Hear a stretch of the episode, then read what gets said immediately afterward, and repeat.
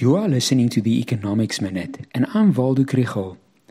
Later this morning, Statistics South Africa will announce February's consumer price inflation figure, and tomorrow, the Reserve Bank's Monetary Policy Committee will announce their repo rate decision. The consensus among economists is that February's inflation rate will be slightly higher than in January, but we know that this does not yet include the oil price shock or the expected increases in food prices following Russia's invasion of Ukraine. Price increases already looked rough last month, but it's going to get even worse.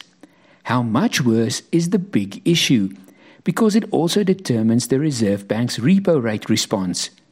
Rather than predicting, economists are working with scenarios.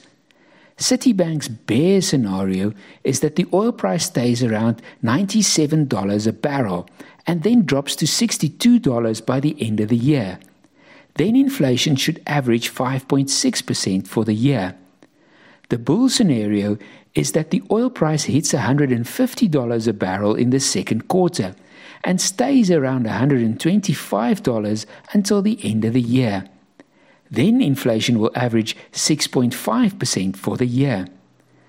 Most other forecasts place the inflation rate high in the Reserve Bank's target band, but economists agree that drastic policy steps are not necessary at the moment.